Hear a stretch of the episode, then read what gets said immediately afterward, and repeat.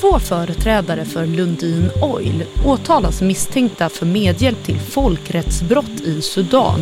Vid Lundin Oils oljefält i dåvarande Sudan dödades 12 000 människor och hundratusentals fördrevs enligt flera människorättsrapporter. They brought conflict to the area where they worked. Vilket ansvar har det svenska företaget för de 20 år gamla händelserna? Åtalsbeslutet är uppseendeväckande felaktigt. På en kvart får du veta varför det framgångsrika oljebolaget Lundin Oil stämplas som ett girigt skurkbolag av sina kritiker och hur det kommer sig att två av bolagstopparna nu åtalas för medhjälp till grovt folkrättsbrott. Ledande företrädare medverkade på olika sätt till de här brotten mot civilbefolkningen. Det är onsdag den 24 november och jag heter Eva Johannesson. Det här är dagens story från Svenska Dagbladet.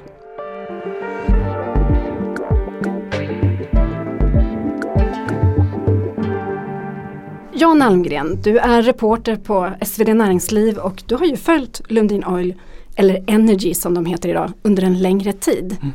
Vad är det som är unikt med den här rättegången?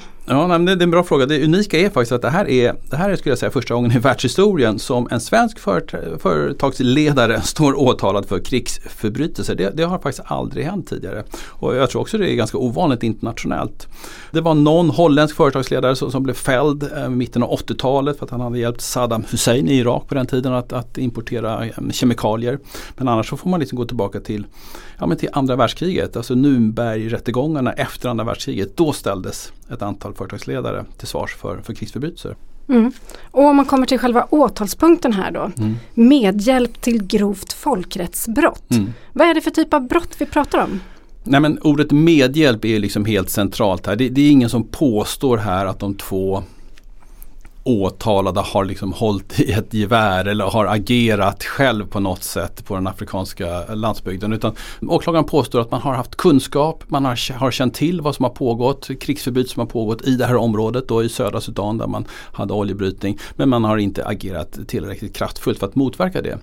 På på juridik-svenska så talar man om likgiltighetsuppsåt. Men om vi ska översätta det här till någon slags vanlig svenska så, så kan man lite förenklat säga att man, man, har liksom känt till det, man har haft kunskap men struntat i att agera. Det, det är lite grann vad det handlar om. Södra Sudan, stora områden med enorma oljefyndigheter. En guldgruva för internationella oljebolag. Mellan 1997 och 2003 borrade Lundin Oil efter olja i södra Sudan. Landet hade länge skakats av ett blodigt inbördeskrig och stora delar av befolkningen var emot oljebolagens verksamhet. För att få kontroll över de områden som var intressanta för oljebolagen lejde Sudans regering milistrupper. This area was burnt a few weeks ago by government forces who have been trying to get the, the public out of this area so that they can control the land. Resultatet blev våldsamma strider, delvis riktade mot civilbefolkningen. 160 000 människor tvingades fly och 12 000 dog. Detta enligt rapporter från flera människorättsorganisationer. We have satellite image analysis that clearly shows that the development of Lunin Consortium's work in the area displaced the people. En svensk förundersökning mot Lundin Oil inleddes 2010. Och i början av november i år väcktes alltså åtal för medhjälp till grovt folkrättsbrott. De här rapporterna är vidriga kan man säga på ren svenska. Um, och, och, det är alltså övergrepp, det är våldtäkter, det talas om kvinnor som spikas upp på träd, det talas om folk som bränns levande, det talas om beskjutning av civila från, från helikoptrar du vet, det, är en, det är en mardrömsscenario som, som räknas upp här. Så det, det är fruktansvärda äh, saker. Och det inte, kommer inte bara från en rapport utan det kommer från flera rapporter och det, det en av de här flera rapporterna kommer från FN. Så det är ju ganska kreddiga liksom, avsändare. Vad säger Lundin Oil själva om de här övergreppen? Ja, det är jätteviktigt att säga. De förnekar ju naturligtvis allting. De säger att de har ingen som helst skuld i det här. De, de, menar att de är helt oskyldiga. De är också extremt kritiska till den här förundersökningen. Dels att den har pågått så länge, den har ju pågått i 11 år. Eh, men de tycker också att åklagaren har inte kommit fram till någonting. De tycker det är helt obegripligt att han har, har fortsatt så länge. Enligt dem så borde den här förundersökningen ha lagts ner för, för länge, länge sedan.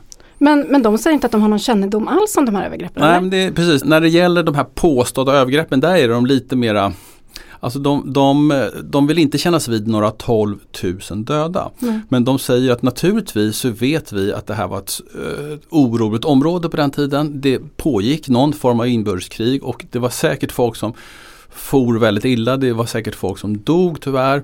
Men att det var några 12 000 som dog och 160 000 som fördrevs som de här rapporterna eh, Ehm, skriver om. Det, det förnekar de och de menar ju lite grann att de är utsatta för någon slags propagandakrig och att det har skett någon slags eh, det ett överskuggande, över, över, overall en demonisering av, av alla de här olika oljebolagen. De var inte det enda oljebolaget som var där. Utan det har skett någon slags demonisering av de oljebolagen som var där eh, och, och verkade i södra Sudan. Delvis för att gynna vissa gerillarörelser som stred mot, mot eh, militären i Sudan. Och när vi pratar om dem här så är det ju två personer som åtalas. Det är Lundin Energys ordförande Ian Lundin och så är det tidigare VDn Mm. Alex Schneider. Kan du berätta lite grann vilka de här personerna är? Mm, mm. Ian Lundin kommer från en känd finansfamilj. Det, det, ibland tycker jag att inte det har framgått så mycket. Han kommer från en väldigt känd svensk finansfamilj. Alltså lite i linje med familjen Wallenberg faktiskt, eller familjen Stenbeck. Men just familjen Lundin är för den stora publiken inte lika kända som Stenbeck och Wallenberg. Familjen har ett antal bolag på Stockholmsbörsen inom just olja och gruvnäring. Alltså de, de, är, de har, jag tror att de har aktier för nästan 50 miljarder. Så att det är miljardärer vi pratar om. Och Ian Lundin var då VD. När det här inträffade så var han VD för det här företaget. Och det är också viktigt att säga att Ian Lundin är fortfarande, det är det är liksom inte två föredettingar vi pratar om utan Ian Lundin är fortfarande aktiv. Och idag är han då ordförande i det som heter Lundin Energy. Och den här Alex Schneider, han var då någon slags oljeprojekteringschef när det inträffade då sent 90-tal. Men sen var han under många år eh, VD för bolaget och han sitter också i styrelsen för Lundin Energy. Så att de är i högsta grad aktiva fortfarande. Och en av de här två personerna har ju du träffat Janne. Du är en av få reportrar som har intervjuat Ian Lundin. Hur var det? Eh, otroligt intressant. Vi åkte ner till Genève Ehm, för ett par år sedan. Jag tror att det var 2018. Ehm, vi fick en exklusiv intervju med honom. Jag skulle beskriva honom som ehm, ganska skärrad får man nog lov att säga inför de här anklagelserna. De anade nog redan då att det skulle bli ett åtal. Det har de nog känt till här. Deras slutsats har varit att det kommer nog bli ett åtal. Men han var också stridslysten. Det får man också säga. De, de, är ju, de driver ju stenhårt att de är oskyldiga. Så att, eh, mm. Sa han något mer konkret om anklagelserna då? De talar också om någonting att de hade någon, jag tror det är ett uttryck som de använder som heter konstruktivt engagemang. Att de är där, bättre att vara där och göra någonting åt barn och fattiga och, och, och de som bodde här området än att bara lämna dem i sticket. Så att um, nej, men han, han tror sten på, hårt på att de, de, de gjorde någonting positivt där och menar att de är utsatta för, ja, återigen, någon slags propagandakrig som jag nämnde tidigare. Och samtidigt är det ju då, det är ju aktörer som Human Rights Watch och FN som ligger bakom de här rapporterna om övergreppen. Mm. Men, men de rapporterna, de verkligen avfärdar dem. De, de tycker om att de är alldeles för överdrivna, har ingen bäring på vad som verkligen händer där. Du har ju även berättat för mig att du har visat ett Youtube-klipp för honom. Kan du berätta lite mer om det? Ja, det är faktiskt väldigt speciellt och det är, det är inte helt okänt. Det finns ett klipp på Youtube med Ian Lundin när han är i Afrika. Det här är år 2001. Och han är på väg um, till någon oljeplattform och just den här gången så har han med sig ett dokumentärfilmteam uh, som ska på något sätt filma och dokumentera det, han gör. This is the infamous Londine Road.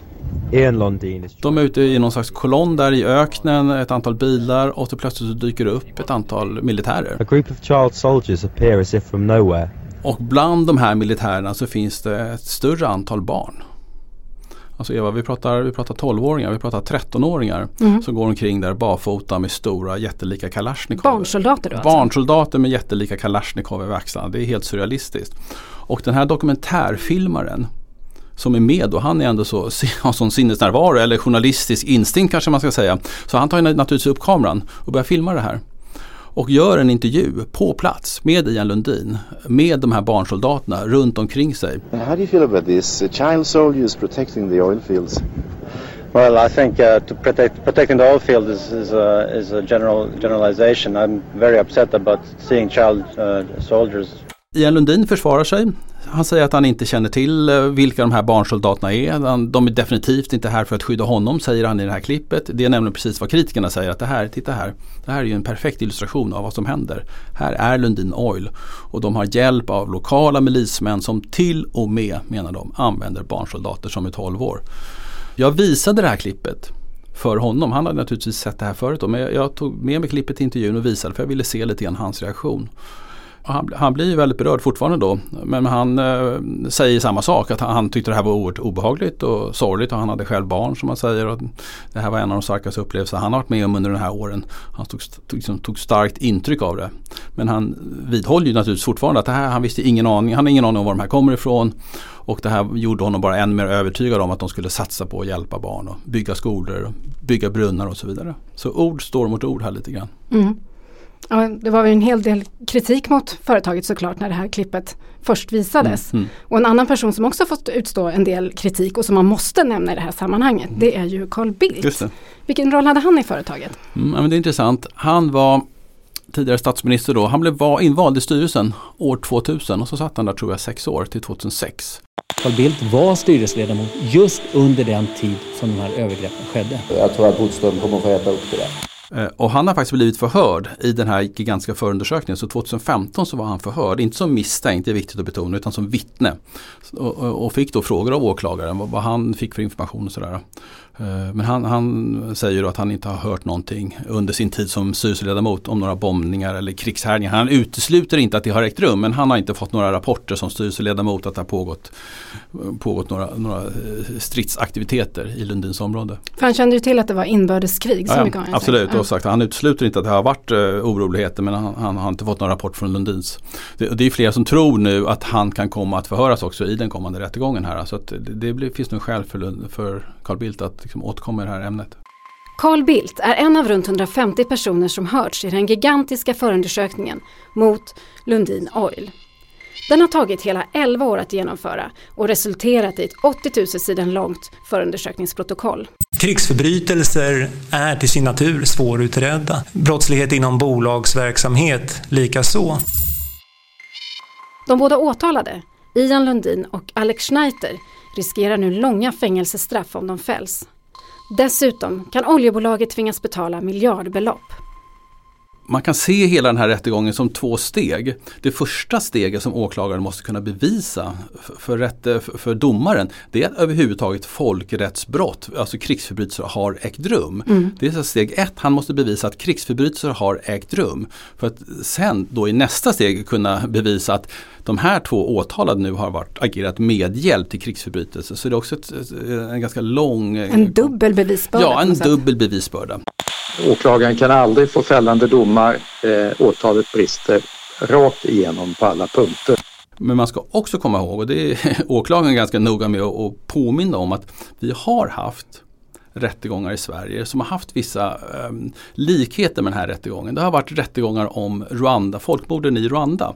Och de ägde rum ännu tidigare, alltså någon gång i mitten av 90-talet. Eh, och de ägde rum för ett par år sedan här eh, där man ställde till svars personer från Rwanda som har begått de här fruktansvärda eh, folkmorden där.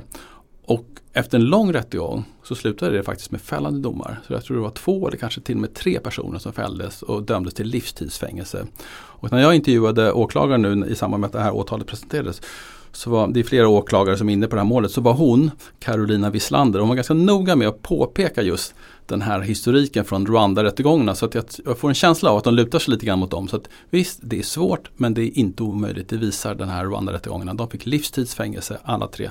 Till sist, vad skulle det betyda om de åtalade faktiskt fälls för medhjälp till grovt folkrättsbrott? Det, det skulle vara en otrolig stor nyhet och, och, jag ska inte säga att det skulle vara anmärkningsvärt men, men jag tror återigen där vi började lite grann så tror jag det skulle vara en stor stor signal, kraftig signal till många stora internationella företag som befinner sig i Malaysia, Vietnam, Afrika, you name it, i olika områden krigs, som kanske är i viss mån krigsdrabbade eller andra områden som har det väldigt fattigt. Att man måste vara väldigt försiktig och följa alla regler, internationella regler som finns där för att inte riskera att hamna i en sån här mardrömsliknande situation för alla inblandade.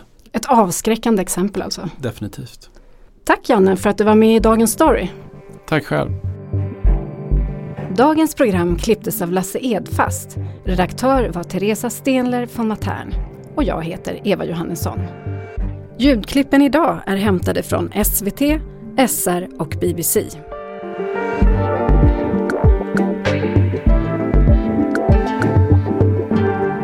Om du vill höra åsikten om nyhetsläget, lyssna på ledarredaktionen, också från Svenska Dagbladet. Vill du kontakta oss? Mejla till dagensstory.svd.se.